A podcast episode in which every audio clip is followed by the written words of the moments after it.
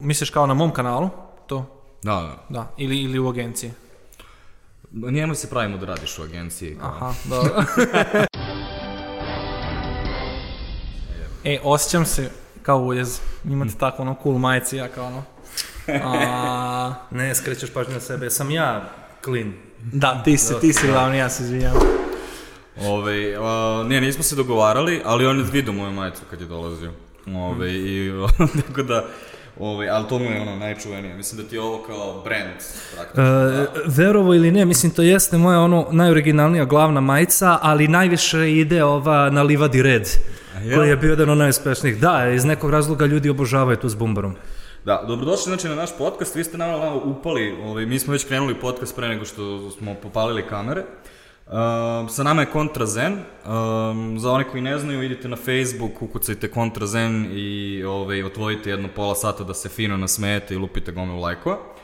Ove, a, Kontrazen je prestao da radi nešto ove, jedno kratko vreme i sada si se opet a, vratio i dalje izbacuješ sadržaj, ove, što bi se reklo kao Mile Kitić, jači nego ikad. Ove, tako da dobrodošao vas našao. ove, u naš a, podcast i a, prva tema koju želimo da pričamo sa tobom, ove, zbog toga što ja kada objašnjavam ljudima kontrazen, kao, ja obično kažem kao super, ono, super stranica, ima jedan problem, samo treba ti dve fakultetske diplome da možeš da razumeš svaku foru i onda si dobar. Ove, i, kao, I to je razlog zašto ja obožavam kontrazen. Kao, ja nemam puno brendiranih majici, Hvala. kao, ove, ali hoću da te pitam da li si ikada razmišljao o tome kako bi mogao da popularizuješ kontrazen i kao da, da ga nekako otvoriš većoj publici. Pa sad da ne odem preterano u filozofiju, ali najiskrenije, prvo treba da pitam ono kao šta znači popularizovati, pošto kontrazen sad trenutno čita 26.000 ljudi, za mene je to bilo nezamislivo i za mene je to već otprilike tipa neki mainstream po brojnosti. Po, ako bih hteo da dođem do većeg broja ljudi, to su zakoni koje svi znamo. Idi na teme koje su aktuelne, idi na teme koje svima odgovaraju, politika, religija, klasične stvari i najiskrenije nisam nikad hteo da promenim takvu priču. Čak sam i neke stvari koje sam počeo na početku kontrazena da razvijam, odbio da bi ostao malo sebi dosledniji, da ne moram stalno da izbacujem po svaku cenu nešto. Daću ti jedan primer koji se sećam sa tvoje stranice. Uh, trenutak kada um, Zeka ovaj, uh, citira Ozimandijas pesmu. Da, da, da. I ja sam u fazonu, bože, znači jedva sam se setio da sam ja negde u fazonu osnovnoj školi čitao tu pesmu i kao ovu foru bukvalno niko neće razumeti. I ja sam siguran da si ti u tom trenutku kad si pravio tu foru znao da neće puno ljudi razumeti tu foru. I sad kao, da. šta te, šta, ono, ti si sad stvaralac koji odlučuje da to objavi na svojoj stranici. Kako ti odlučuješ da kažeš, nema veze, znam da 50% barem ljudi neće razumeti foru, ali ja idem i dalje sa ovim. Pa pazi, to je iskreno jedna veoma bitna tema. Kada, evo samo što se tiče tog stripa, na primjer, ja sam iskreno mislio da će to tipa par ljudi reda radi pokazati ja pročito nešto. Kad su ljudi krenuli da se utrkuju komentarima, da objašnjavaju jedni drugima pesmu, izvor i ostalo, ja sam ostao uh, zaprepašćen i ponosan. Uh, da ljudi to nisu shvatili, opet bi uradio istu stvar. Zašto? Zato što je to neka e, poruka kontrazena je bila stvari koje smo uvek mislili da drugi neće razumeti, a nama prave dobro. I ko bi rekao, eto, postoji par stotina ljudi sa ovih prostora koji to vole i razumeju. Samo je baš zato što nikad nisu bile popularizovane, nikada nisu ljudi ni mogli shvatiti da ima neku u tom krugu interesovanja i ostalo. A, tema ta bitna koju sam hteo da pomenem je upravo to ni, ne prave se stvari da se svide većini ljudi i sa druge strane ne prave se da provociraju veliki broj ljudi. Prave se da postoje takve kakve jesu. Znači, moja poruka je takva i to je to. Kreativnost se izdila jer si hteo to da kažeš. Budeš li krenuo da oblikuješ, cinculiraš, gađaš, ja ti potpisujem, izgubit će i poentu i efekat. A šta misliš da to govori o ono korporativnim komunikacijama? Ajde, stvari, prvo siću, da li bi se ti složio s time? Kao, da li ti kao- kad praviš svoj sadržaj, da li kreneš od toga ovo će da vidi 50.000 ljudi ili kažeš ne ne ako, ako, ako se malo više ono, izbečim u klipu možda će ili ne znam nešto što ne želiš baš da uradiš ali ono uradiš to get those views? Recimo, e, pa razum, ja sam nekako, shvatio sam šta je popularno i sam to popularno radio na svoj način. Ne spominjem ni ja religiju, ni Jasno, jasno. politiku, ništa tako, ali lupam, ako sad svi, pošto radim na YouTube, ako svi snimaju neki izazov, ajde probam ja da ga uradim ali na svoj način. Tako da nemam problem s time da, da pratim trend i s obzirom na toliko puno izbacanja sadržaja, taj trend je jedan u 20 naš, pa nije toliko problematično, sada nije samo da pratim trendove. Dakle, imam puno originalnog sadržaja, a, a ispratim dosta trendove, međutim, um, nekad tako baš hoću da snimim klip koji je samo za moju dušu i tačno znam, ako ne lenduje, onako malo publike skonta. Zato što to inače ne izbacujem da su fazonu, ok, otko sad ovo, mi smo se subscribe na ovaj određen kontent. Ali ne kaješ se, mislim što A si ne to radio, se. To je najbitnije. Zato što uvek ima taj nekih ono 10% ljudi koji su u fazonu, oh my god, neko je ovakav kao ja, razumeš. To I onda to. nekad mi nije problem a, da, da tako nešto baš specifično izbacim, nekad izbacim totalno čudan klik da su svi u fazonu, ok, brate, ono, šta je ovo? Recimo, imao sam, e, pošto inače izbacujem daily upload i sad već to držim dve i po godine i to mi je ono ponos, ne sam nikako da se prekine.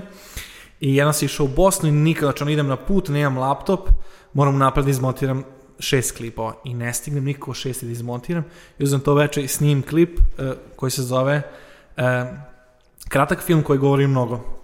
I sad počinje film, ja sedim u sobi,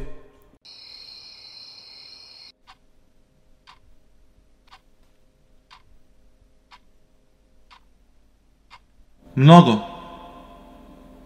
I kraj klipa. Už nisi imao vremena da izmontiram. ja toga sam objavio. I što najgore od svega, dobilo je mnogo više pregleda. Svi bili u fazonu šta je ovo, šta se dešava, ko je ovaj lik. Ali upu, nijedan komentar nije mene provalio. Ali odlično, ali, ali odlično. negde tamo u YouTube-u je umro jedan ono, uh, onaj bloger koji piše ono, molim vas, dugačak sadržaj. I Da, kao, da, da, Kao YouTube algoritam živo pozorno, šta je ovo, znaš šta ovo gleda ljudi. 7 sekundi, tako da Dobro. sve i svašta izbacujem, često izbacujem nešto za svoju dušu, obično pošto je meni klip 10 minuta, ja 2 minuta mogu da uradim totalno random stvar koja se samo meni sviđa. Ne znam, sad sam ubacio novi segment gde ja mučim fanove. Mislim, jako je smiješno kao pratioce, gde uzem lupom, savijam papir na kameri i namjerno ga ovako stavljam off, da nije na, na ivici. I lupam kao... Za OCD. Da, i onda kao, perem ruke, onda kao pokosi mi se duk spao. I onda svi u komentarima, ubiti ću šta snimaš to. Tako da nekad volim da tako da eksperimentišem ono neke totalne stvari koje nema veze s vezom da snimam, tako da... Iskreno više si gocu iznervirao nego nas koji Da, da. Ali hoću da vas pitam nešto sada, znači savjet vas dvojice je uh, nađi ono što želiš da radiš i onda to pravi. Da. Kao, bez obzira da li imalo puno lajkova, malo lajkova, ako veruješ u to, ti to radi. I šta se desi onda kada vam, kada recimo u ovu agenciju dođe klijent, jedan brand, i kao u projektnom zadatku je ovo mora da ima puno pregleda, ovo mora da bude viralno, popularno, da li je onda to osuđeno na propast zato što nema to što vas dvojice kažete da je osnova dobrog sadržaja? Nema, nema. Ja mislim da ovaj, cijela fora je, ne možeš nikad da obećaš puno pregleda, osim ako nećeš da dohvatiš tako neke teme političke i ostalih. I možeš samo da obećaš da ćeš napraviti dobar sadržaj, ali da će to biti gledano, ne možeš da obećaš. Pa, iskreno, mislim da je uvek moguće doći do velike publike ciljano. Ne ono u smislu sada, ne da kontriram, nego kažem samo Da, i tekako postoje okidači i postoje teme koje su, mislim, osnova clickbait se na tome bazira. E, može neko da ti kaže da hoće da dođe do mnogo ljudi, ali niko ne može, tu se slažemo komplet, da ti kaže to tvoje što praviš sada, adaptiraj da se svidi svima. Znaš, to je jednako ko ono, mani me ljudi koji su dobri sa svima, ne možeš da se svidiš svima. Postoje stvari koje su, ovde ja nešto ne volim i ne podnosim, to ne znači da sam protiv tebe, ali ne možeš da me ubediš da ja to uzem kao deo sebe. Mislim da je moguće doći do velikog broja ljudi, ali konvertovati, usaditi se u svest velikog broja ljudi ciljano, čak je malo i podlo. To bez, bez neiskrenosti i manipulacije ne možeš, a o tome već ne umem ni da, da. raspravljam. A, sad, ću, sad ćemo postaviti jedno pitanje koje smo imali, kao skoro smo pričali o tome kako je sva dobra umetnost je u stvari protiv nečega, odnosno postoji konflikt u koji, u, na kome se bazira ta umetnost. Ove, um, pa recimo kao, ako uzmete slikarske periode, svaki sledeći slikarski period se u stvari referira kao na prethodni, odnosno pomera one zaključke i granice prethodnog i dodaje nešto na to. Da. Znači, ono, impresionizam ide posle realizma, onako skraćeno, cela Da. ta istorija, zato što kao, aha, trebali smo da budemo što tačniji, pojavila se fotografija, sada želimo da prenesemo nešto što nema, što ne postoji ranije, znači to je konflikt sa prethodnim. Da li smatrate da, ono, da li smatrate da imate taj konflikt u vašem, kao, protiv čega je kontrazen, protiv čega je Dario Keseg i vlog? Fu, ovo je baš zeznuto. Pa, sa moje tačke gledišta upravo u imenu sam i rekao, zato sam ga i nazvao kontrazen. Ne antizen, ne protiv zen, nego kontrazen. To neko stanje statičnosti, apatije ili standardnih fora, standardnih šala, znači, ha, ha, znam gde ovo ide, aha, gledaj, stvari koje su već toliko isprane, Ratovi zvezda, popularna serija, popularni sportista, aktualna tema, ne, kontra ušuškanosti. Znači, kontra zen je protiv tog trenutka. Nikada nisam teo da pravim uh, strip poruku koja pet godina od sad nema smisla. To je, na primjer, bila moja neka kontra. Kontra aktuelnosti i prolaznosti. A recimo, uh, to se nigde ne osjeća u kontrazenu, je li tako? Dok- dok se ne zagleda. Svaki kontrazen post je pozitivan. I kao, služi da nasmeje ljude i kao, ono, ti nikad nemaš kao, nemaš antiporuku na, sami, na svom, samom svom sadržaju, ali ipak negde u tvojoj emisiji, znači, postoji određeni konflikt i određena želja za promenu. Pa iskreno postoji par komada. Mislim, kontrazen je reflektovao naravno u neku ruku i moje osjećanje i postoje par stripova koje su eto samo plasirala ideje, čak i naslovnica, mislim, kontrazena je ona prva slika koja je nastala sa tim dositejem koji govori knjige, knjige, knjige i onda čitam ovo, idemo dalje. Mislim, to je baš bio ne direktno atak na tu samu knjigu, ali kao prikaz... Da, iskreno, ja sam je doživeo, recimo, ja sam, um, ne, neću verovati, ja sam tebe otkrio baš nešto oko sajma knjiga. I ja sam bio na, na sajmu knjiga i bio sam u fazonu ugušen ono naslovima tipa Feng Shui u službi seksa i ostalo sličnih stvari. I kao bio sam u fazonu kao zašto bi išao na sajam knjiga, bukvalno ono odem na internet i nađem knjigu koja me zanima tamo, idem i kao gledam gomilu knjiga koje ne mogu da verujem da ikoga zanimaju. I onda sam tada došao i tada sam vidio tvoj, tvoj cover i, i totalno sam u stvari propustio koja je konkretno knjiga, nego meni su na tom coveru sve knjige, u stvari sve takve Ali knjige. eto je to, e, baš je stvari bila podsvesno, shvatimo šta je poruka kad smo pročitali strip. Nije bilo sad plasiranje da je neka e, negativna tema. Ja stvarno sam se trudio da nijedna tema ne bude depresivna.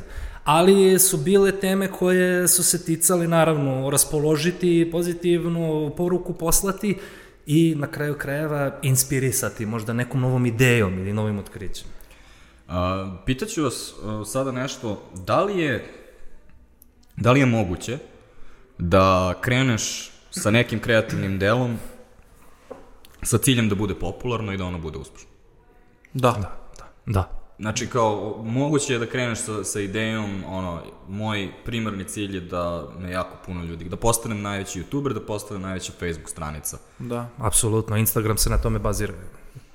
Okej, okay. ali to je malo u koliziji sa ovime što ste do sada rekli da treba da radiš ono u šta veruješ. Nismo pričali o velikom broju pregleda. Mislim, možda Ne, nisam da, shvatio... ne, ne, fora je, fora je šta tebe radi. Znači ti možeš da, ima, tačno ja sam mogu sutra snimim klip koji će imati milion pregleda 100%. Apsolutno. Dobro. Ali šta Da, ako je ga snimim. moj primarni cilj da budem popularan, a ne da nešto kažem. Razumete? Pa Kao, automatski ne- onda mi podištavamo priču o originalnosti i o ličnom potpisu, osim ako tvoja ličnost i nije bila hoću da budem popularan. Recimo, da, evo, Ali nečije ličnosti jeste da želi da bude popularan. Ali taj može da dođe do velikog broja ljudi, ali da se ne lažemo, takvog će ljudi poput tebe ili tebe ili nekih koje nadam se da sam kontrazenom privukao automatski da kažu "Pff, i otići će dalje, izvinite. ovaj, a, e, takve stvari se osete, neiskreno se oseti, ko lažan osmeh, ko lažan dobar dan, ko čovek koji ti ne želi dobro, koliko god ti se smešio, tako isto i te poruke. Ne plasiraju ideju, nego jure što više, što više. Mislim, na osnovu patetike, life coachovanja, politike, e, oprobanih tema, vulgarnosti, verovali ili ne, možete doći do nenormalnog broja ljudi koji će, ahaha, refleksno, samo da idu za tim ko po Pavlovljevom refleksu.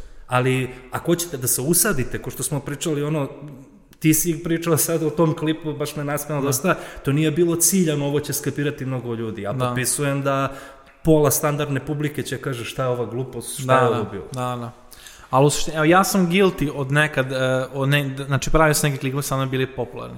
Recimo, jedan smo imali cilj, ajde da napravimo viralni klip, koji je bukvalno bio samo cilj da napravimo viralni klip i uspeli smo stvarno, dogurali smo i do medija, i do televizije, intervjua i to je bukvalno bila fora, ajde napravimo viralan klip. I tako smo na neki način počeli kao neku našu karijeru i u početku, pošto mi smo pravili sadržaj koji je kao original, mislim bio je loš, pošto ono sve imaju u početku loše, i bio sam u fazonu, a o nas niko ne gleda, znaš, mi se kao Ovaj trudimo- podcast je od početka sjajan, briljantan. Da, evo ovaj podcast od početka dobro stvarno. I ovaj, ja sam bio u fazonu, taj kako da priku- prikupimo ljude. I onda sam uradio, sad, sad, sad mi ti ispljao, malo mi teško pričam o tome, ali ovaj, mi smo snimili parodiju, ne, neću kažem ne, neiskreno, mi smo to, nama je to stvarno bilo zabavno i smiješno, a smo snimili parodije na ostale youtubere, da bi ti ljudi koji gledaju njih kao, e, vidi, postoji ovi likovi. I onda smo kao, e, ovo je parodija, ali normalno ubacivali smo svoje fore, nije samo ono bilo naš prolazvike, šta ja znam. Tako da ljudi su opet došli zbog drugih ljudi, ali su ostali zbog nas na neki način.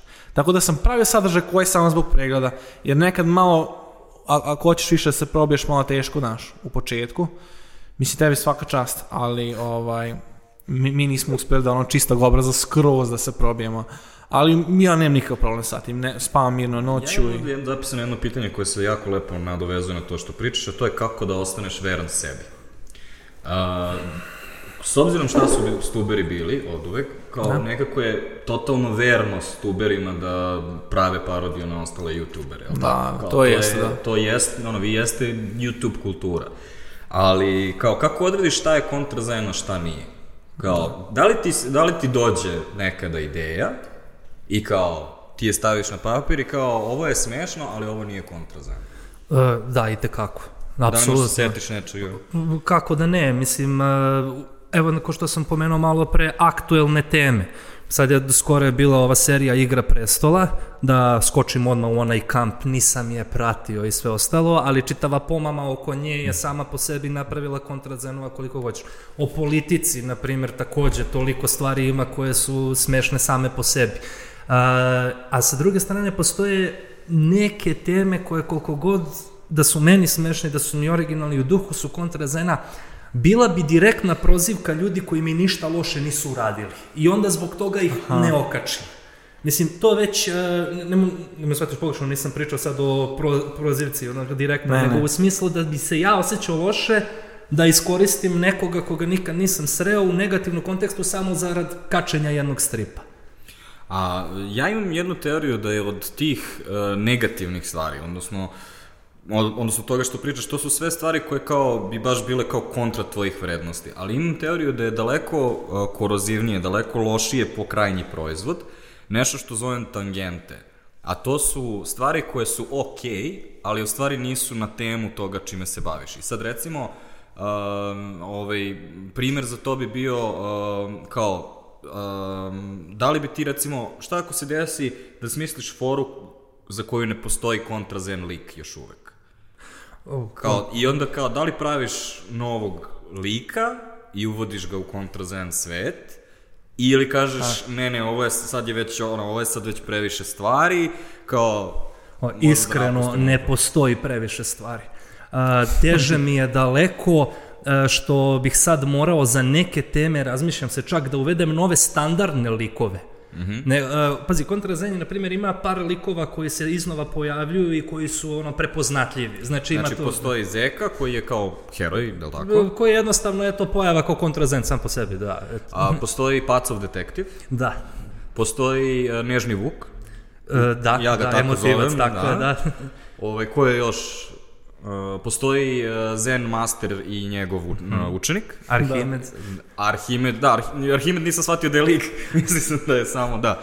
Ovaj, I kao, to je otprilike pantera Tadija i Ribica, Da, Tadija, e, ovaj, postoje mafijaši sa igrama reči, e, stoje, e, mislim, i onda naravno sad postoje albumi koji se drže izvesnih niša. U kontrazenu sad Facebook kako je dozvolio da to grupišeš, pokušao sam da grupišem. Neke, na primjer, albume sam podelio baš po tim nišama priče.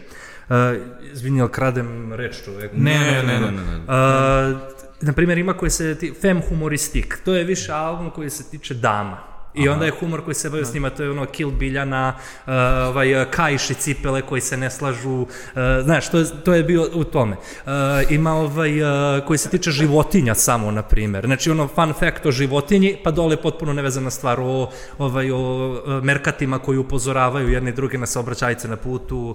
O, I onda ona je jedan od najuspelijih o tardigradi, o vodenom medvediću kojeg ne pogađa poruka o raskidu jer može da preživi u svim uslovima i tako dalje.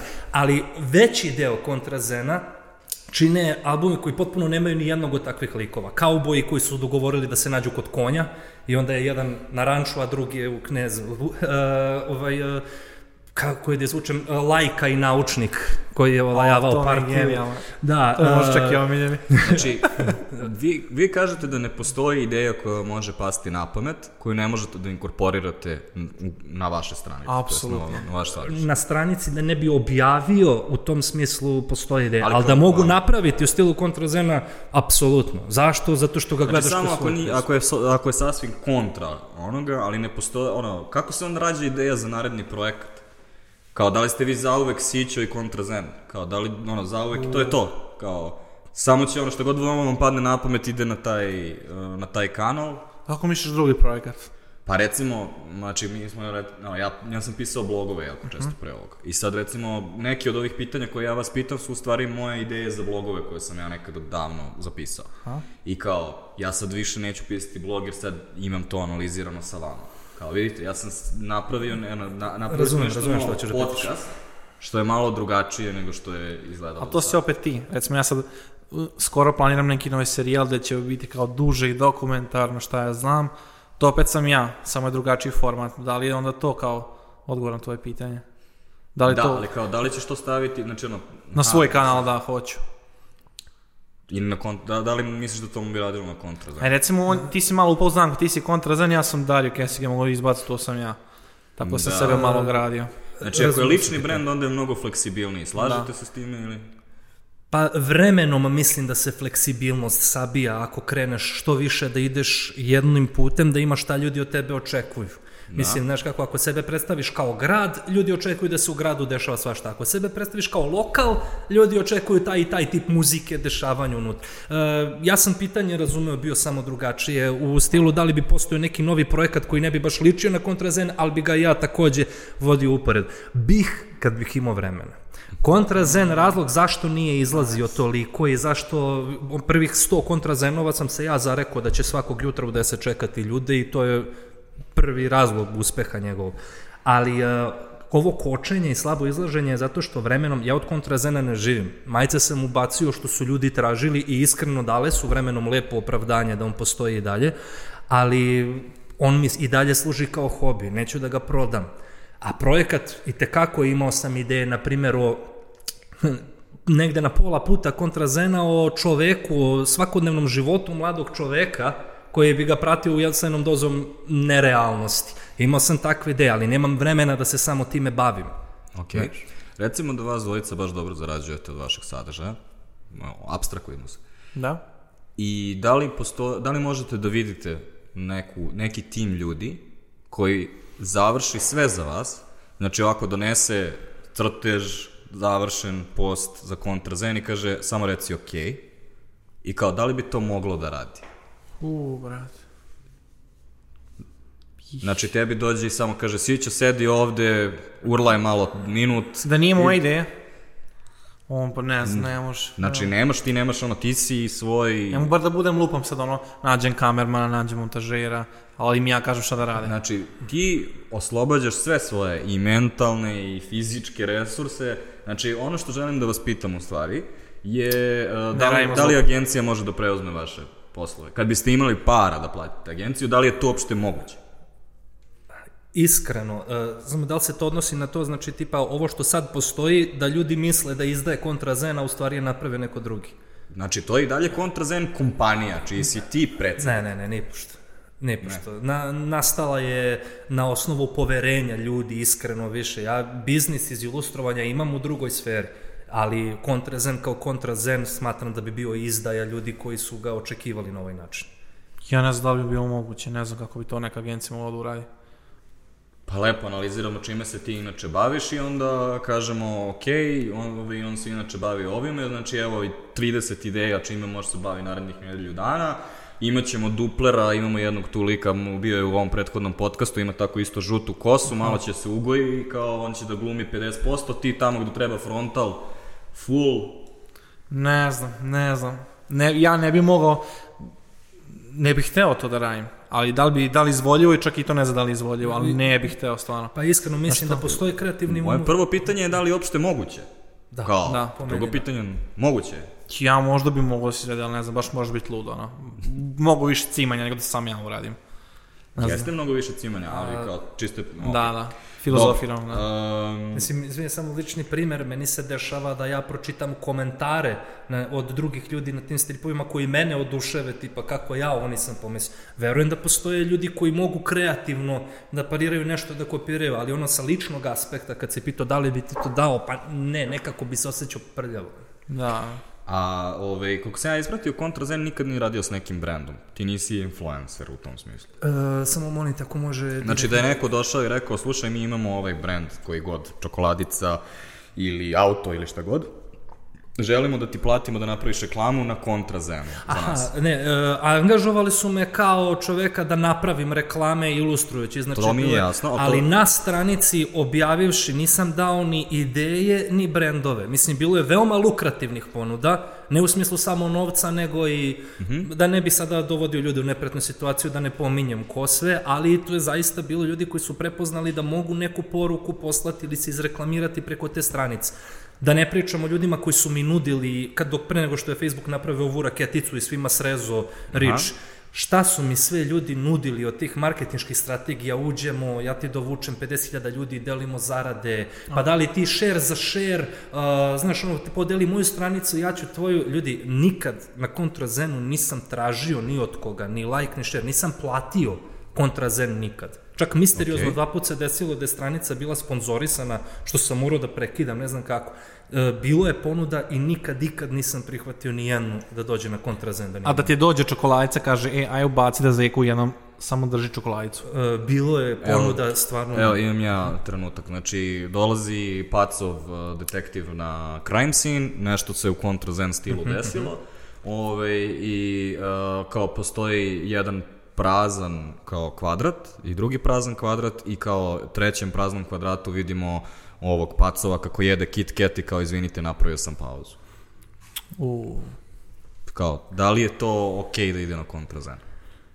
Mm, Nemoj da me shvatiš pogrešno, e, meni se malo maši poentu pacova. Dobra je stvar da kao reklama sama po sebi ima neki catch, ima ono čekao sam, čekao sam, dobio sam punchline, ali u bilo čemu što je po meni nešto kontrazen, ne bi nikad tako A da li plasirao. možeš da zamisliš bilo koju? E, Da li možeš da zamisliš bilo koju reklamu na kontrazenu? Ne Ako je bi, ti ne bi, ne ne. bi, zato što par godina od sada uh, ta reklama je bila samo jedan prolazni posao, a kontrazen sve vreme nastaje tako što eto rešiš da će da postoji na ovaj ili na onaj način. Ne, isti razlog što sam rekao da ne bi dao nekom da ga vodi. Dobro, dobro. Ove, cool. Um, mene još da pitaš to pitanje, a? pa, no, idite, na, idite na vlog pa vidite kako čovjek radi. Ove, ali ne, to je u stvari segway, uh, to jest, aha, prelaz. Ove, u sledeće pitanje, a to je, kao hajde da pričamo onda o radu, za, radu, za, uh, radu sa klijentima. U tvom konkretnom slučaju ti se baviš i kao ilustrator, kao ilustruješ mm -hmm. za, za klijente, Sićo radi ono što radi ovaj, inače, odnosno ovaj, montira.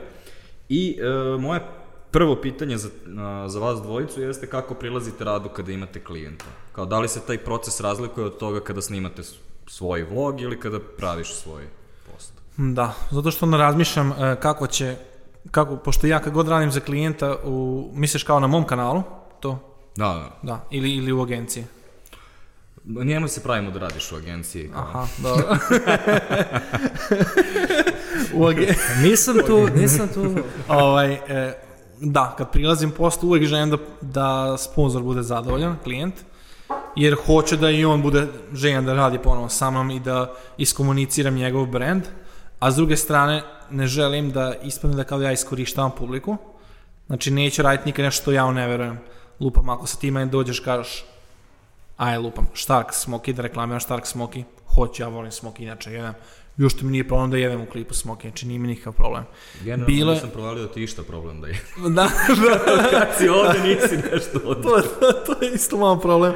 I, i znači to je jedini prilaz da je to, samo želim da, da svi budu zadovoljni, u smislu sponzori i publika, ne želim da publika osjeća kao, e ono, lik, lik je iskoristio sad mojih 10 minuta da bi zaradio pare. Nego hoće da bude zabavan sadržaj. Recimo sad sam radio, sponzorio sam klip za Jel mogu da govorim? Za? Možeš, slobodno. Computerland sam radio, gde uh, u pitanju je bio Nintendo Switch, kao konzola za igranje, i ja nisam teo samo da snim recenziju, nego sam teo da snim, ok, recenziju malo da kažem šta su prilike radio proizvod, da ljudi znaju šta je to, i onda sam spomenuo mog drugara koji baš voli Nintendo, i cela poenta je bila ja njemu da poklonim Nintendo na kraju. Ali da mu kažem kao ja i on zajedno snimamo recenziju, i onda on kao kaže da mu sviđa, ja kažem, ej tvoje, onda njegova reakcija. I to je u suštini bio klip, znači bio si ima zanimljiv, jer od početka su ljudi znali da će ja njega da, da iznenadim, pa su pogledali šta je to, zanimalo ih je zašto on sad toliko to voli i mislim da je to onako baš savršen sponzorisan klip. A ti kada kreneš da radiš, a sad on radi recimo na svom kanalu, a ti radiš kao, ono, you are a hand for hire. Jesam, mada dodajem uvek u potpis na kraj crtica kontrazen. Danilo Krlović kontrazen. Čisto zato što i u, po Google i po srču i po svemu A, da, da. Ali kao, kako, kako se razlikuje to? Znači, kako, kako se razlikuje taj kreativni proces? suštinski, iskreno, zato što, na primjer, neke, da sad ne zvuči onako egoistično, ali neke stvari koje sam ja smatio remek delima napravljenim za klijente, naravno koji svaki klijent pojavi se i kaže, ej super je, ali hoću da bude ovako. Čak sam to na jednom stripu kontra Zena s Michelangelom isto je prikaz. Uh, znači, dizajniraš knjigu uh, za decu, celu celcatu na način u atmosferi koja veruješ da je originalna da nešto daje, ali klijent je imao svoju viziju ustaljenu, dosadnu, blagu viziju, sve ovo super, ali sad ga no, desetkuj i dobro, šta ćeš, moraš, to je klijent tražio, jer ako ti radiš za klijenta, nema tu, ali ja hoću ovako, ja hoću onako. Pristup je takav da moraš da se žrtvuješ u nekom pogledu i ako si pristao da radiš, u redu je. A sa druge strane takođe ima klijenata koji su tražili stvari koje ne bi u životu pristao da ilustrujem. E, jednostavno, jedna primjer, jedan je tražio u, u trenutku kad je bilo aktuelna ovaj, smrt Robina Williamsa, tražio je baš jednu uvredljivu, morbidnu scenu prikaza njega, sam u startu rekao ne. Pa on kaže, pa da li bi uradio za ovaj novac, pošto ti gledaju tamo portfolio, sve, ne ne druže, ne bi, neću, mislim, to je jedina doza slobode koju imaš. Šta ne radim? A trenutka kad smo pristali da radim, radim sve što smo se dogovorili najbolje što mogu. I to klijenti iz inostranstva mnogo cene. A, uh, ovaj, pitanje je, uh, šta misliš ovako tvojom procenom? Kao, kada pogledaš ceo taj sistem, kao, koji procenat tog rada je uz, uzalud bačeno vreme? Kao, u kom trenutku, ono, koliko procenat bi rekao da se baviš ispravkama koje imaju smisla? Kao, neko ih traži zbog toga što misli da zaista to doprinosi tom brendu ili to će na kraju konvertovati, ta odluka će konvertovati u neke prodaje, a koji procenat je jednostavno lična preferencija, pa može da bude, ovo slušalice mogu budu i crvene i plave, prodavaće se i isto tako. Uh, ako smijem da zamolim za par minuta da iznesem jedan svoj biznis model, baš zbog toga, Okej. što u prvih par navrata kada se opečeš, baš zato što izgubiš vreme, trud, uh, dosta stvari koje idu u kreiranje nekog sadržaja, rešiš da napraviš svoju politiku, svoj način obavljanja biznisa i tek tako se uspeva i napreduje. Moj biznis model se zasniva na tome da ja prvo kad vidim projekat izračunam, dogovorimo se koliko projekat traje. Znači, neće biti izgubljenih dana, toliko radim za klijenta. E, dogovorimo se, ako ja mogu da stignem da uzmem još neki projekat sa strane po tom trudu koliko košta, ako vidim da će mi oduzimati samo taj klijent vremena, izračunam tu cenu. I šta ti uradiš? Ti odvajaš svoju satnicu. Znači, nema izgubljenog truda tipa, ja ovo sam pravio bačeno. Radio sam 8 sati. Da li sam ja napravio sliku, dve, tri, nebitno. Ja sam tog dana radio tih... Mhm. A, moje pitanje je, znači to mi je jasno, to ti si zaštitio sebe. Da.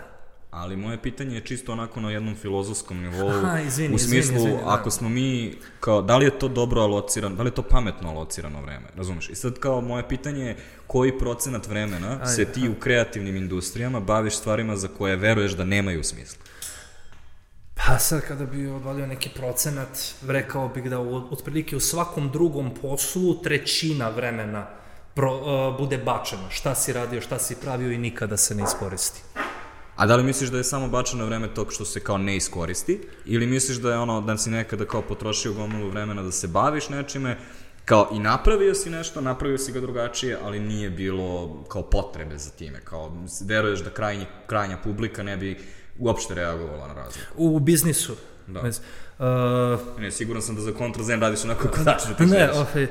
Pa iskreno da ti kažem, malo je pipavo pitanje, zato što sa jedne strane, ako se nešto uopšte ne iskoristi, a pravio si ga, ti veruješ da je bačeno, da je uzalud potrošeno u svakom slučaju.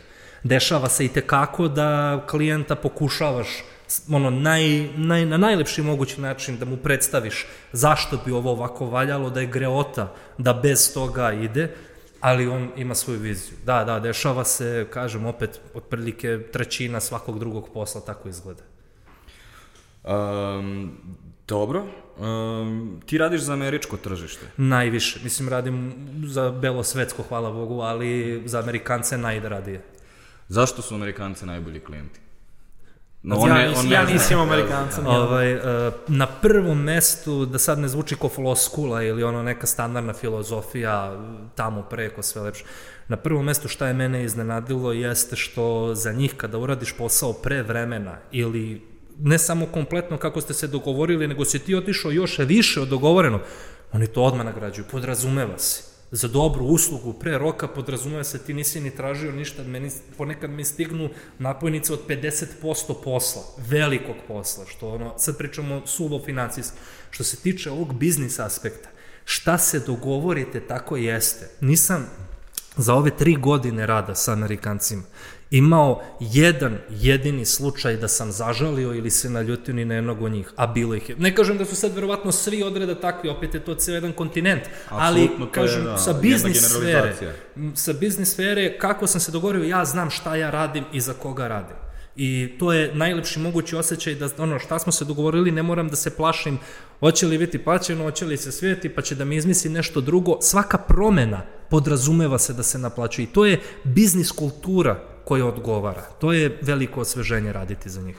Um, recimo, ja mogu da, kada god smo imali bilo kakve kontakte, mogu da primetim da je razlika u, u iscrpnosti brifa kao ogromna. Kao, ovde um, je prihvatljivo, to jest ono, normalno je da nekada dobiješ brief, jel može ono nešto kao otprilike? A kao tamo, ono, recimo, primer, kao brief za sajt, um, sam često dobio briefove za sajtove koji imaju tri stranice, a četiri formata. I iz Amerike i Engleske su mi stizali po 50 stranica. Znači, neko je već odradio gomilu posla, tačno zna šta hoće i ti si tu samo da deliveruješ rešenja koja njemu trebaju. Ove, koliko je bitan, ono, dobar brief i kao, recimo, sviđa ti radiš sa kao mnogo manjim firmama i kao domaćim, Da, da. I kao, kako, ono, dođe ti neko i kaže ti ovo što sam ja sad tebi rekao, da ti loš brief, kao, daj mi nešto, otprilike ovako, kao. Da li ti u tom trenutku kažeš, slušaj, ništa ne brini, ja znam tačno šta ti treba, bit će sjajno. Da. Ili da li uh, kažeš u tom trenutku, imam ovih 200 potpitanja, ako bi mogao samo da mi odgovoriš, znači prvo tvoja krvna grupa, astrološki Da. znak, Ja, negde između možda. Znači, ono, volim da budem u fazonu, a niste mi to rekli, pa malo pogoram više svoje ideje, onda imam malo više slobode, a volim na kad trebam da znam šta ću, da ne moram da snimam ponovo klip. Bilo se dešavalo se dosta puta da ono snima ceo klip i ono, e, to nije bila poenta, i te baš mrzi ako imaš puno ljudi da učestvuju, te baš mrzi da snimaš ponovo, a nekada ti ono ljudi daju više slobode, pa ono ti snimiš kako ti hoćeš. A uglavnom imaš neke fiksne stvari koje moraju da se prekomuniciraju i to onako ne možeš da promašiš. I recimo, ako mi tu nešto nije jasno, uvek pitam, a za kako ću ja to raditi, na koji način, to možda i bolje mi ne kažu sve, onda naš. Možda se njima čak i svidi, ne znaju da hoće to. Jer često klijenti su fazonu, a, youtuber, influencer, mm, aj kaži ovo znaš. Ni ne znaju oni baš šta hoće, ne znaju kako to funkcioniše sve. Tako da volim to da, da baš ne bude sve tačno rešeno. To je onako, eh, nije toliko zanimljivo. Da li možeš klijentu obećati e, da će imati određeni broj pregleda, bro, određene brojeve, Da. 100.000 pregleda mogu uvijek da ono garantujem. 100%. I onda ka- uvek kaže 100.000 ili više. Recimo sad, to mi je neki standard, recimo. A da li misliš da, kao, da li misliš da je put uh, kreiranja sadržaja na osnovu brojeva, odnosno analiz, analiza brojeva koji, ono, performansi tvojeg Facebook page-a ili tvog YouTube kanala, Da li šta? Da li je to dobar način da kreiraš sadržaj time što analiziraš te stvari, kao koliko se baviš time, koliko gledaš svoju analitiku i onda kažeš aha sad sam zaključio nešto, treba klipovi da mi izgledaju drugačije zbog toga što sam našao ovo u analitici. Dobro, mislim, dobra i loša stvar kod YouTube-a je što koliko ti je gledan klip je uglavnom zbog naslova. To ti može čak 50%. I onda, ako gledam analitiku, gledam da li se dobro naslov stavio. I ta, taj clickbait, kad sam vidio onaj tvoj strip za clickbait, malo mi je onako... Ok, skip that. ovaj, pošto... Ništa lično, mislim. Ne, ne, znam, znam. Mislim, ja sam celu foru sa tim clickbaitom sam napravio, mi imamo čak i, i majicu koja piše nije clickbait. Inače, celu foru smo napravili da, da sadržaj bude namerno kao da je clickbait, da bude fora o tome da je clickbait, ali provociram samog sebe. Svestan sam toga i gledam da ne bude ono u fazonu, je, znaš, oženio sam se, ono, nema nikakve veze sa tim klip. Znači, opet da je, da je onako više kao samo misteriozno kao taj naslov, ali nije ono naš, nećete verovati šta se desilo sledeće, fotoslika, nije baš toliko loše. I onda šta je bilo pitanje, izvini? Briefing. je bilo oko brojke, koliko Da. gledaš brojke. Znači gledam u fazonu ono kao, aha, završio se dan, ok, ovaj klip je moliko pregleda, ja, mogla sam ovo možda malo bolje. Dok recimo u, početku izbacim klip i na ono idem, live feed, ok. Uf, znaš, ajde dodat ću ove dve reči na, na thumbnail. Mm, možda se treba staviti uzvičnik. Mm. I onako gledam 5 po 5% se penje i to valjda dok sam učio. Sam mrzi iskreno, samo postavim, bit će dobro, brate. I na, A kontrazen? Da li gledaš cifre? Ja sam u glavi bio ostao još na temi briefinga bio, ali dobro, što se tiče cifri, uh, ne.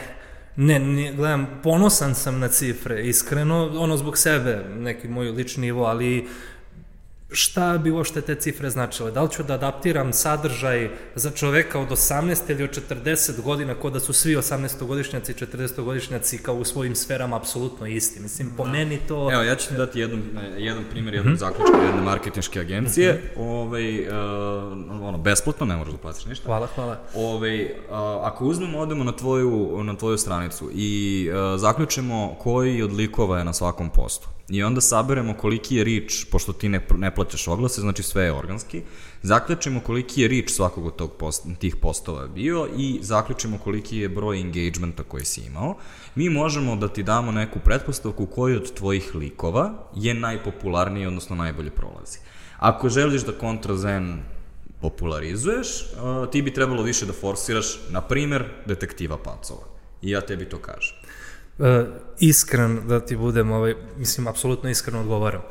Tačno znam ovaj, koji likovi će po defaultu iz nekog razloga imaju prođu kako imaju. A moj lični stav, neki od meni lično najinteligentnijih stripova koje sam napravio su najgore prošli od svih po, tipanju lajkova, pregleda, ljudi su ih samo zaobišli, ali sam ih i dalje napravio.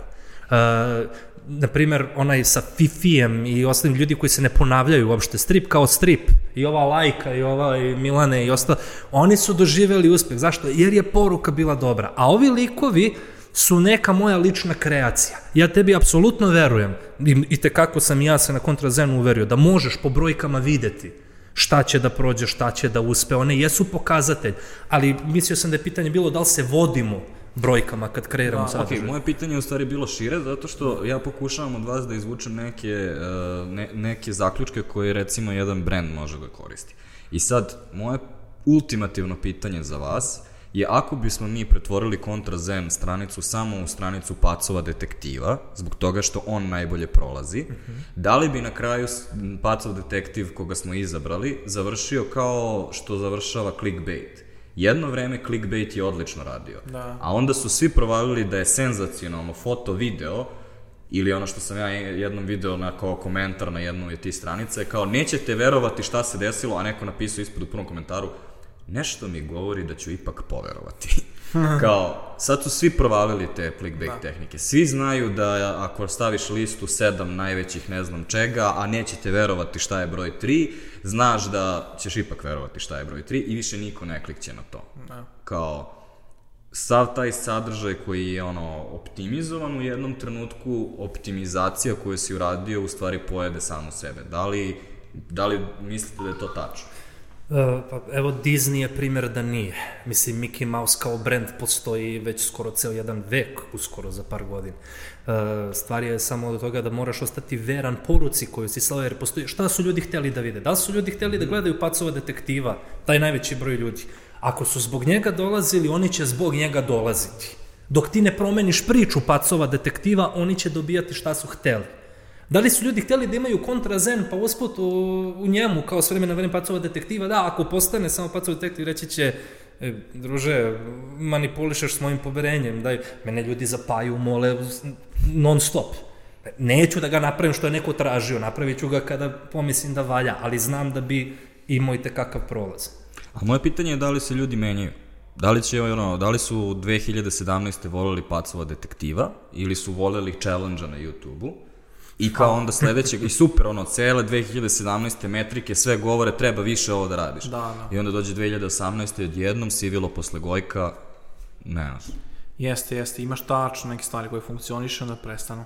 Lupam, imao si Smoothie Challenge, sad to su svi snimali, ja sam snimio tri epizode, brate, no, namerno, eto, tako, for the memes. Onda je, recimo, sad je, osim drame, recimo, sad je trend, ceo dan nosim crvene stvari, ceo dan nosim crne stvari. Znači imaš stvari koje sad funkcionišu, koje za tri meseca će biti u fazonu ljudi, daj, ono, nemoj smariti. Ali neke stvari, ono, uvek funkcionišu, da kao, ali to nije kao, nije trend, nego ono, kao ljudi vole iskrenost, recimo. I to, sa, to, to će uvek biti tako. Znači, ako si ti ono iskren u klipovima, ako praviš zanimljive klipove koji su iskreni, što ti kažeš ono timeless, jer niko za 5 godina neće gledati Smoothie Challenge, onda ovaj, neke stvari jednostavno funkcionišu uvek. Dobro, ovaj, imam sad novo pitanje za vas. Kako dolazite do ideje? Morate ti prvi, jer ja oh my god, znači... Zapisivanje, random, čuješ nešto, tako kradem nekad žiške neku foru, pa napravim svoje. Pa on kad smo imali, kad su sedeli svi u krugu, kao, o, ovo može biti klip. Mislim, nije uopšte to ta ideja, nego e, inspiracija dolazi sa svih strana. Ja se klanim da se pročitam moje papire, mogu snimiti jedan klip samo sa ovog papira. Tako da, samo ne treba sebe ograničavati, ja mislim da je to glavna fora. Što god ti padne, zapiši negde ostavi. Možda će biti dobro za nekad. Tako da nema loših ideja, mislim ima boljih, ali nema loših, ja mislim recimo. I sve, sve je dobro. I onda ja, ja sam lik koji tako baš puno producira, pa nekad, ok, ne mora biti ni najbolje, ajde sam da napravimo. Tako da, ne ograničavam sebe. Mislim da je to najbolja fora, da sebe ne ograničavaš. Sloboda. Dobro, ali da li bi neko, da li bilo ko može da napravi uh, kao sićo sadržaj, da li bilo ko može da napravi kontrazen sadržaj ili taj kvalitet sadržaja? Da li je potrebno nešto pre toga ili je to samo božanska inspiracija koja ono, rodiš se s tim, imaš i nemaš? Ipak neki ljudi kao stvaraju, je li tako? Kao vas dvojica ste, na, ono, ti si napravio strip, ti si napravio YouTube kanal, a kao nije puno ljudi napravilo strip i YouTube kanal, to je u stvari redko. A to ja mislim, ja generalno možda, nisam baš dobro ovo promislio, ali mislim da talent kao talent je nekako precenjen. Mislim da talent nije toliko cool, nego više kao šta se tebi sviđa, ja se ti tome posvetiš. Recimo, ja sam kao bavim se s, u grubo storytellingom, ali ovaj, ja sam počeo kao klijent da uzem igračke i da dovedem sestru i još jednu sestru i kao igramo se u ovom svijetu i trebamo da, da pobedimo ovog zlovoću naš. Ti si ovaj lik, ti imaš ove magije, lupam. I ja sam već pravio neke svoje svetove, neke svoje priče. Lupam, sedem uveče i ja kao čitam knjigu sestrama, ja uzmem ako stoje knjiga, ja izmišljam priču, recimo. Da neke stvari, ono što sam volao od malena, pa se to valjda razvilo u ovo što sada, sada radim, Tako da, glupo natno Đoković, ono, u sidlu mu se raketa udaraju zid jednom, dva puta, mm, no, znaš, ono. Sad, okej, da li on sad stvarno rođen za to, sad ne znam gde je tu, sad kao fora šta se da svidi. Sportisti nisu obavezno dobar, Aha. uh, zato što kao... Um, A dobro, da, ima puno. Ono, amaterski sportisti bi možda bili, Da, da. kao, ali... Uh, Neko ima telo, rodi se s takvim kostima. Tačno znam da- o čemu pričaš, postoje subtilnosti izvesne koje ne bi bilo prijatno sad naglas ovde iznositi, ali uh, sport i talenat u ovom smislu u kom mi pričamo, kreativni, prerađivački, nisu ista stvar. Znaš, večite performanse i nadmetanje, što je osnova sporta, jel te, nisu ove stvari koje mi stavimo da postoje. Da, da. Sport znači nadmetanje, zar ne? Mislim, da. van ono kao fizičkog Da, da, da, razvoja. I jeste. tu već malo gubimo neko poređenje. Izvini, nisam teo da prekidam, nego samo... Ali nas, nastavi sa odgovorom na pitanje, znači kako dolaziš do ideja i kao št- šta je potrebno, ono, da li, da li bilo ko može da dobije ideju za dobar sadržaj? Mogu ja da, da sk- skraćem moj odgovor jako brzo. Znači, ja mislim da svako može da uspe, samo nekome će trebati više vremena, nekome manje. Dobro. Pa, suma sumarum i jeste to. Da. E, Trud će svaki da se na neki način isplati. To je Da, nemoguće da. pretpostaviti da ne postoji. Samo što se talenta tiče, uh, talenat je katalizator. Talenat je multiplikator. Znači, bez truda talenat puta nula, istu stvar postavi. Možeš eventualno, imaš talenat ako ne radiš ništa, ništa nisi postigao. Možeš da se trudiš beskonačno, ali nekome, neko, neki ljudi od rođenja crtaju fantastično. Neko kad vidi moje prve kontrazenove koje sam pravio iz dosade drugarima i kad poredi šta sad radim, čak kao profesionalni ilustrator šta umem da uradim, to je neuporedivo. Znači, iskustvo i rad, znači to brušenje, Da, da. ufinjavanje. A da li neko može da, kako kažem, da dođe na ideju, može, ali prvo mora ono da pita sam sebe. Šta je, šta, je, šta je to što radi? Znači, šta ja od ovoga vidim? Na primjer, u saobraćaju samo koliko ja dobijem inspiracija, to nije normalno. E, bilo šta što vidim ovde, ljudi, dok sedim sa vama, vi niste svesni koliko scena meni mojih ono, pada na pamet, ali najozbiljnije nisam. E, kako dođe do toga, uvek zapitaš sebe kako ja ovo vidim. Znaš, Aha, e, e, to, je, to je otprilike osnova kreativnosti, zar ne? To je originalnost. Kako sam ja ovo doživeo video, a druga strana umeća, već kad pričamo o njemu, je kako ću ovo da prenesem. Da. Moj najveći izazov, ovo će da zvuči stvarno smešno, moj najveći izazov trenutno, i zbog toga i pravim sajt za kontrazen upravo, je što ja stripove kakve moram da žrtvujem, da ne okačem, zato što ne mogu da ih smestim na Facebookov, onaj mali format. Što ja nemam Instagram stranicu, rezervisao sam je samo da mi niko ne mazne, jer je njen je još gori, jedan kvadrat. To, je, to me najviše boli. Eto. Na Instagram imaš swipe sada, tako da. Da, ali nije to ne koristim. Ove, um, da li mogu da probam da sumiram ovaj, ovo što ste rekli? Um, kao, svako može da uspe, ali potrebne su, potrebno je prvo da budeš radoznao, u smislu da upijaš gomilu stvari oko sebe i da gra, ono, ti si se u stvari celog svog života spremao da napraviš kontrazen klip. Na neki način, da. Ti ne možeš da napraviš uh, foru sa Arhimedom ako nisi, ne samo da znaš ko je Arhimed, nego ako, ti, ako se nisi zainteresovao za tu priču, pa da ti onda tek ona ostala u, u sećanju i da si onda došao u nekom trenutku da ti je ta ideja pala na pamet. I druga stvar je onda trud, odnosno da zaista kreneš i da radiš na, na, na svoje ideje i da ona prvo izgleda jako ružno i da onda ne izgleda uopšte kako valja i da onda naučiš nešto iz svog prvog fejla i da onda zarolaš tek, ali ne, neophodno je da, je, da imaš tu određenu radoznalost, neophodno je da bi bio originalan, ti moraš da budeš originalan, zar ne? Kao, nije, nije moguće da neko ko je nezainteresovan za svet oko sebe napravi originalan sadržaj. Da. Znači, trebaš biti zainteresovan, trebaš voleti to u suštini. Dovoljno da to radiš dugo. Mm? Samo da ne, da ne filozofiram jedan malo datak. Uh, zavisi da li predstavljaš svet oko sebe ili sebe samog. Ljudi mogu biti veliki introverti, ko što je bio Kafka, on nije, jedan, nije hteo da objavi ništa od svojih dela. Možemo Maksu Brodu da se zahvalimo za to. A, ako hoćeš da prikažeš svet oko sebe, pa naravno, pobogu, mislim, najgora stvar koju možda uradiš je da pričaš o svetu koji nikad nisi video. Video sam skoro čak i neku simpatičnu ilustraciju negde kako čizma priča papučama o planinama i brdima. I zaista jedna fenomenalna onako, e, poruka. Ba, e to je po meni, na primjer, e, ne ljubomora, nego to je po meni, na primjer, bi bio za kontrazen poruku. E, moraš biti ne samo radozna, nego ne smeš biti, ne smeš svoj ego stavljati ispred onog što vidiš. Da bi, što je rekao Marko Aurelije, i to može da se obrne na oba načina, da bi shvatili suštinu nečega moramo videti šta mu je svrha. I obrnuto važi takođe. Ako posmatramo stvari samo kroz sebe, blokirat ćemo pogled svojim mišljenjem. Nešto ja mislim da je loše i neću videti suštinu onog drugog. A ako opet ne dodam delić sebe, malo ne posolim, neće imati tu dozu originalnosti i potpis. Evo sad sam se raspričao, ali to je u To ne služi to. podcast, Ne, zato ne, traje da. toliko koliko traje. A, da li dobijate kreativne blokade? Uf, da. Da. Sinoć sam imao. Dobro, a ti?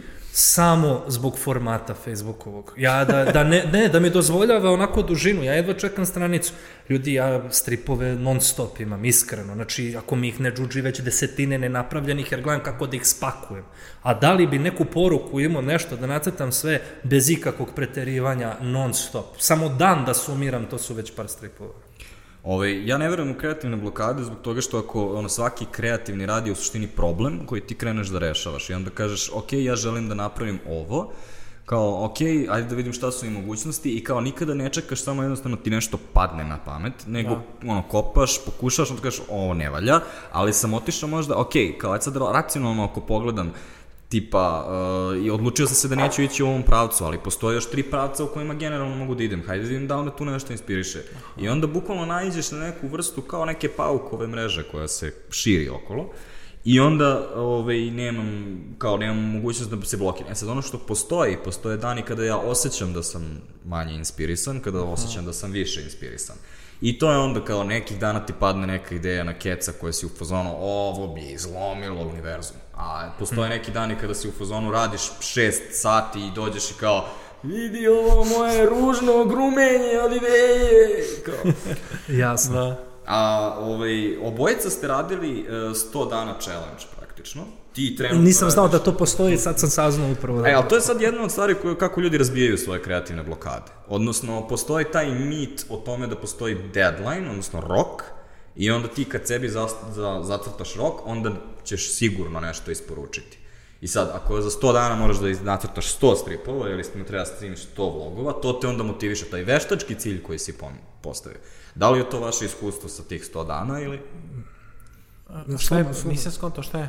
Da li, da, da, tebi to kao. da li tebi to što imaš dnevni vlog pomaže da ti razbije kreativnu blokadu? U, apsolutno. Kao sebi, sebi si zacrtao veštački cilj, znači niko tebe nije terao, ni Da, va, da, da. nije vas terao niko da postavite 100 dana.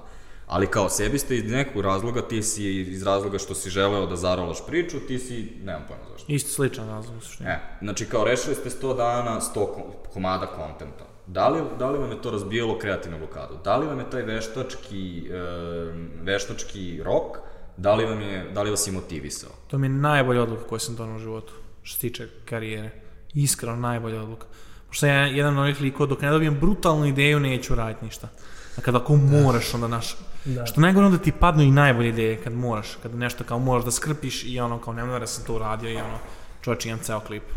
A, slažem se dobrim delom sa ovim, mislim, radna navika sama po sebi. Na stranu, ne pričam sad o kreativnosti, nego, mislim, pričamo o kreiranju onoga što je kreativnost donela. Apsolutno da kada se zalaufaš, da ćeš jednostavno jednim delom evoluirati u, to, u nešto što stvara taj tvoj kreativni sadržaj. Biti lenj, to je osnova propasti, u bilo da. kom smislu.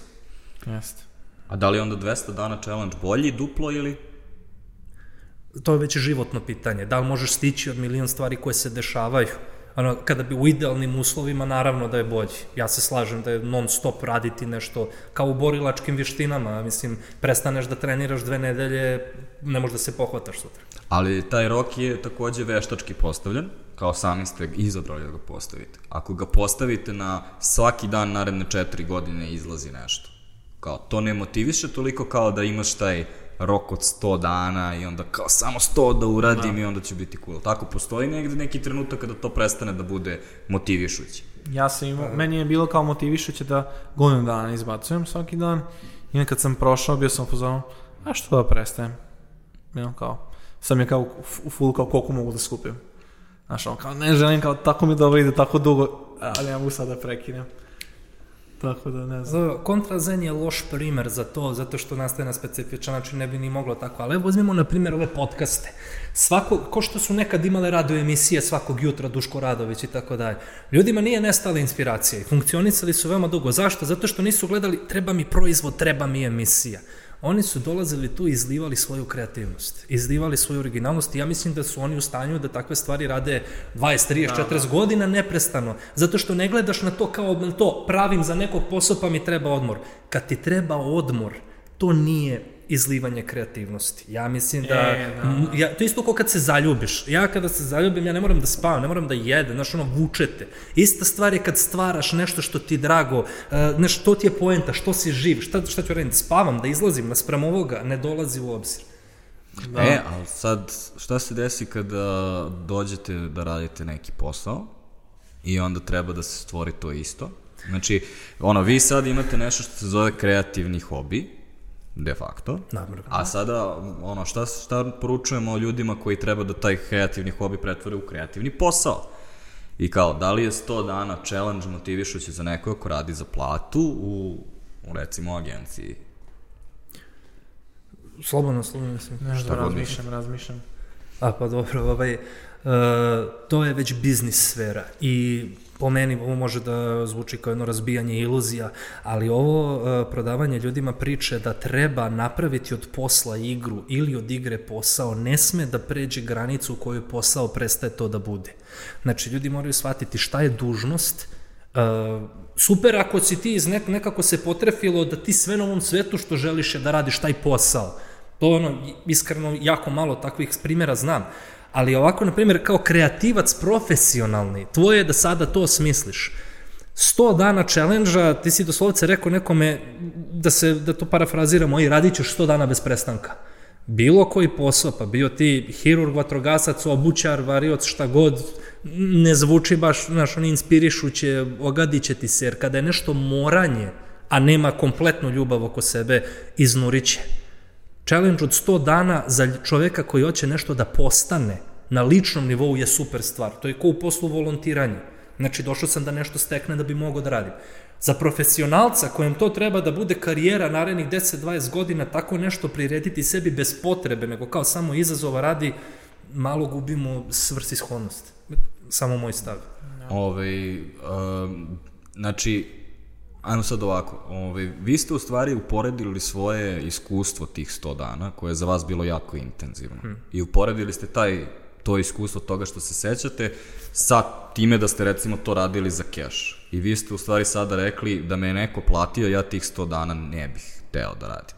Kao, ja sam radio samo, ono, samo zbog toga što sam verovao u ovo. Znači, kada verujemo u nešto, očigledno možemo duže i više da radimo. Da. Ali opet recimo ne bih se složio sasvim da 100 dana challenge nije motivišujući zato što to nije obaveznost isti 100 dana challenge kao vaš. Vama je to bilo mega intenzivno, a ako je to recimo 100 dana napraviti 100 postova u agenciji, to je nešto što je neophodno. Kao recimo da. za, ono, za jedan Instagram jednog brenda koji je jako veliki i treba da postuje svaki dan. I to nije nemoguće. Ovaj, kao imamo ljude ispred koji su to radili. Ali kao, očigledno, znači, postoji neki balans koji treba da se ovaj, uh, potrefi i očigledno je, znači, da svi se slažete da u stvari ako dobijete keš za nešto manje ćete raditi za to.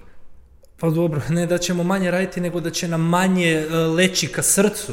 Mislim, što mm. se posla tiče, opet kažem, nis, uh, ja sam tu malo fanatik. Ako nešto treba da se uradi na konto spavanja, svega uradit ću. Mislim, verovatno smo svi takvi ovde u profesionalnoj sferi. Nego sam mislio da se odnosi na lično ono što si pitao, kreativnost, ljubav i ostalo. To sigurno neću voleti koliko nešto što sam namerno hteo. Ali da li ću uraditi, to je već moj lični profesionalni aspekt, pa makar poginuo, završit ću. Ne, ovaj, to je u stvari ima ova knjiga iza tebe, zove se Predictable Irrational Dana Rieli i kao on u toj knjizi objašnjava u tome, ako recimo ja želim da, ono, da mi pomogneš da se preselim, I kao ja kažem, Sviće, dobar si mi drug, ajde da mi dopre, ono, da me pomogneš da se preselimo i vukljamo neki kauč, tamo istegneš da. leđa, ali proklinješ me cijelo naredni dan. Tebi će to da bude okej, okay, ako smo okej okay drugovi. Ali ako ti kažem, ne, zašto si mi toliko okej okay drug, ti dam ja neke pare, evo ti hiljadu dinara. Ti ćeš da budeš u fazonu kao to je uvredljivo, kao razumeš, ja sam to, da. ono, ne, nemaš ti te pare koje, ono, koštaju da ja radim kao fizički radnik. Da. Kao to što ja tebi dajem ne može da se plati. To je bila moja ovaj, poenta koju, koju sam hteo stvari da Dobro, nešto se posla tiče ne bi odbio, samo ne bi bio ono najsrećniji što tako se mora u slučaju da nije merodavan. Dobro, to sam malo, Na, malo sam karikirao. Da. Um, ima jedna tema koja se, koja se dosta često bavimo u podcastu i jako je čudno. Ja mislim da nama na podcastu nije bio gost koji se školovao za to što radi.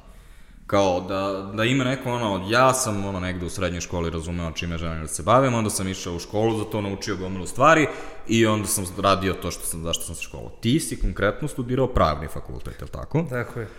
Uh, Ja sam završio dizajn. Da li misliš da je, da je to, to čime se sada baviš? Ja bih rekao ne. Nije, ali nigde ne koristim skroz, znako. To je drugo. Mislim da bi, ti, da bi ti rekao da verovatno koristiš neke stvari koje si naučio kroz obrazovanje na pravnom fakultetu. Više bi bila semantika, znači da. apsolutno ne upotrebljavam osim poznavanja par informacija. Što si Ovaj- završio da pravo? E, da, da ne skrećem temu, nije bila moja volja da upišem prava. A, master sam nakon prava završio zato što je to bilo neophodno u smislu vremenski nisam imao šta drugo radim, a Aha. doktorat sam odslušao bez odbrane sve tri godine i to ispolagao i jedva dočekao samo da kažem sebi evo je gotovo, gotovo je važ. A pre pravnog sam završio diplomatiju i bezbednost. A, to je jednostavno nije bila moja odluka. Tako da iskreno to potiskivanje kroz nešto što ne voliš je i gajilo ovo što si od uvek hteo da radiš da jedva čeka da eksplodira. Iskreno, desilo se s razlogom. Da. Ali, e, da li mislite ovako kao da u Srbiji nema baš škola za kreativce? Kao za kreativne industrije, za ovo čime se mi svi bavimo. Pa ne, ne poznajem tu sferu dovoljno da bi smeo da sudim, ali uh, ajde iskreno sad nešto, već ovo nije filozofija, nego evo ti si veoma iskusan u ovom polju. Uh, šta je, da li je moguće školovati kreativca? Na stranu pružiti mu informacije, zakone, tržište i ostalo, da li je moguće napraviti od bilo koga originalnog kreativca? Moguće je mnogo skratiti nekome put od toga da bude jako prosečan uh, i od toga da ima hiljadu stramputica do toga da bude izuzetan. Ove, ne možeš napraviti nekoga originalnim. To, ono, to nije moguće. To što da. vi imate vas, vas dvojica kao svoje lične potpise, to niko ne može da vam kupi, ne može niko da vam napravi. Ali u trenutku kada neko recimo pokušava da napiše tekst, postoje jednostavno ono i u knjigama zapisano postoji 2000 godina istorije nekoga ko je to analizirao i kao rekao ti već šta radi, šta ne radi, ne moraš recimo meni je za to isto dobar primjer u jednoj drugoj knjizi za tebe uh, postoji jedan grafik i ja sam bukvalno umro od smeha i kao telefonirao odmah Skokiću i kao onaj grafik koji smo mi sami smislili i sami pravili i stavljali i objašnjavali ljudima i kao bili jako ponosni vidi šta smo mi napravili i kao isti taj grafik se nalazi u toj knjizi, neko je to već davno već rešio Da. sve što smo mi smislili. Ja. Ovaj, e sad, um, mislim da postoji taj mit kod nas da se kreativnost ne da nikako ukalupiti. I kao ja to zovem mit o kreativnom geniju. Kao da je kreativnost samo to što si ti, sa čim si rođen i da ne postoji mogućnost da na bilo koji način te neko usmeri. Ja mislim da mnogo može da te usmeri. Niko ne može da ti kao, da ti stvori originalnost, naravno. Ali način na koji se nešto piše, način na koji radi humor je već definisan u mnogome, ali polje koje ide posle toga koje je za tvoj lični izraz jeste beskonačno. Kao, to je jako teško ljudima da shvate, kao time što ti učiš stvari koje su sigurno tačne, u smislu to ne može tako da se pravi, i evo ti šest grešaka koje se dešavaju, to, uh, to te ni na koji način ne ograničava.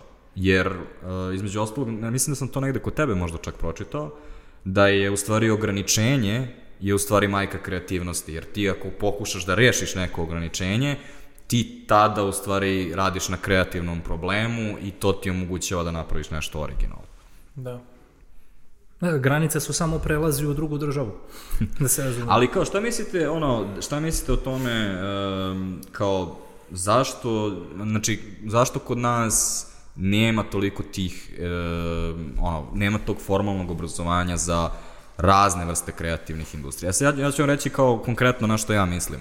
Kao ja sam recimo na fonu učio između ostalog marketing management. Međutim, marketing management je jedno užasno široko polje i to je menadžerska inženjerska disciplina.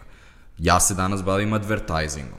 Ja kada sam izašao sa fakulteta, mene je tadašnja devojka mi je preporučila da se prijavim za copywritera. Ja nisam znao šta znači copywriter, a kamoli čime se on bavi, a kamoli da sam učio osnove copywritinga, na primjer. E sad, recimo, imate osnove copywritinga, znam da se uče recimo na, na FDU, ali uh, u tom kontekstu se one uče recimo na, uh, fi, mislim, filmskoj produkciji ili novim medijima, tako nešto što je vezano za produkciju reklama. Da. Kao, um, postoje par tih programa, ali generalno ovako kad pogledamo obrazovni sistem u Srbiji i kada pogledamo koliko se ljudi bavi u stvari kreativnim raznim poslovima, ne, meni des, deluje da postoji ogroman disbalans, a pogotovo u odnosu na uh, druge zemlje. Da li se slažete s time ili... Pazi, kontroverzna je tema zato što najiskrenije sad pričamo već o ukusu. Ti kao marketing uh, ekspert znaš i sam. Poruka ili plasiranje brenda ili bilo šta drugo zavisi od populacije kojima se to daje. Ja više ne znam šta znači uh, kad neko kaže da se bavi reklamom, advertisingom i bilo čim drugim, pitanje je moje da li ono što smo mi započeli ovaj podcast sa tom temom, da li ti hoćeš doći do što više ljudi ili hoćeš što bolje, što originalnije da predstaviš proizvod? Mislim, to je ta kontroverza koju gledamo, jel da? Jer kod nas, na primjer, kod nas dosta stvari sad napusta, napušta staru školu. Pogledajte na YouTube-u, nađite, ne znam koje se godište, samo ovaj, reklame 90-ih.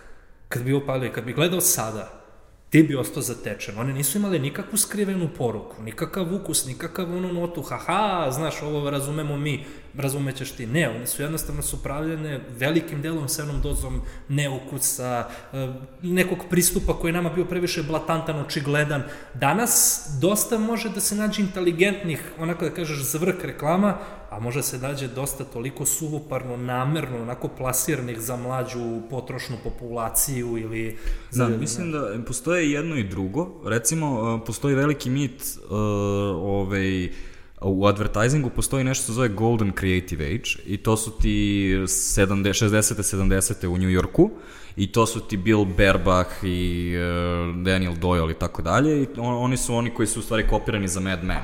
Kao, to oni su bili inspiracije za tu seriju.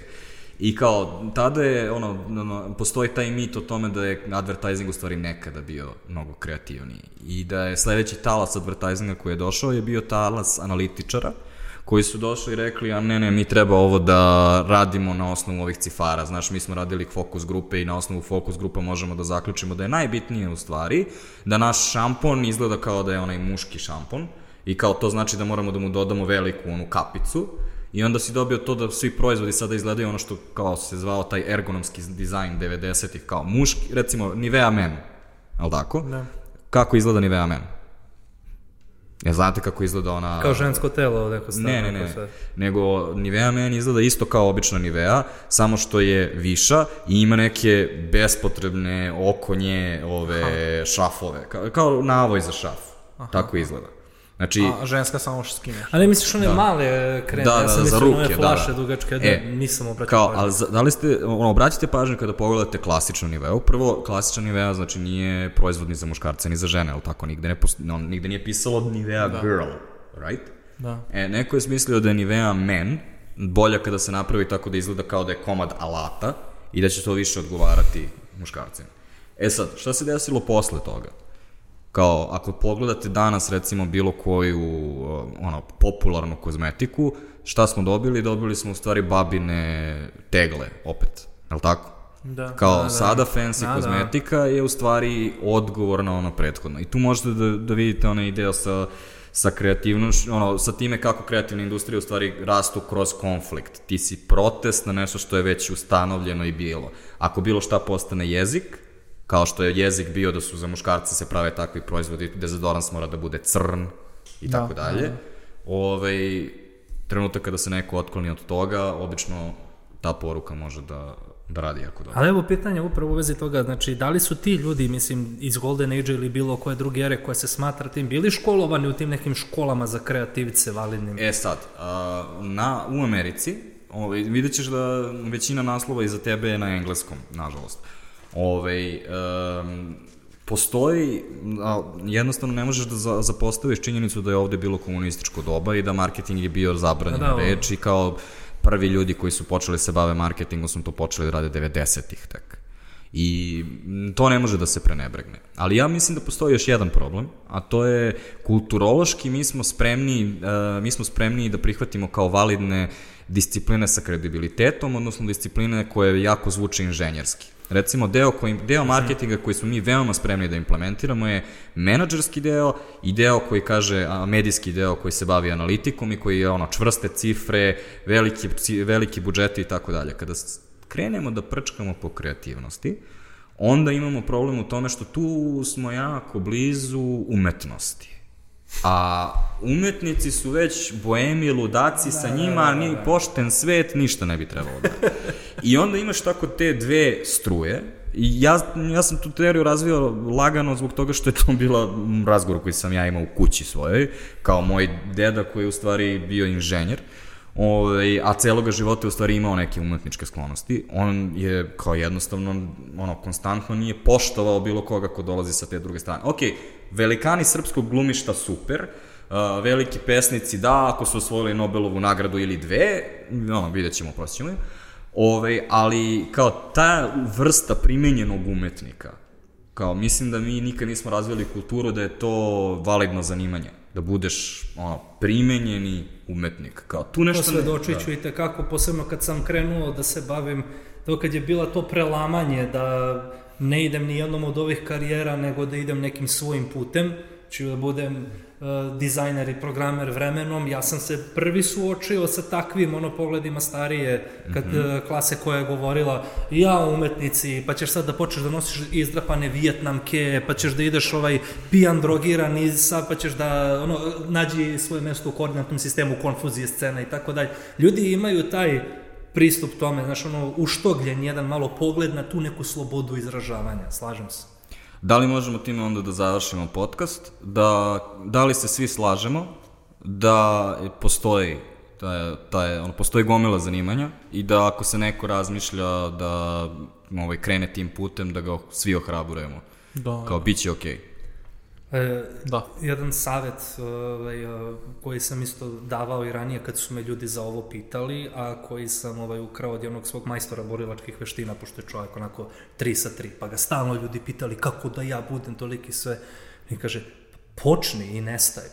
ja otprilike istu stvar kažem, sve Da. ljudi, počnite i nestajte. Dobro, loše, šta god, idi, gazi kroz to. To 100 day challenge što si rekao je neka verzija, nema stajanja, nema predaje. Mislim, da ne zvuči ispravno, ali stvarno je definicija uspeha nestati.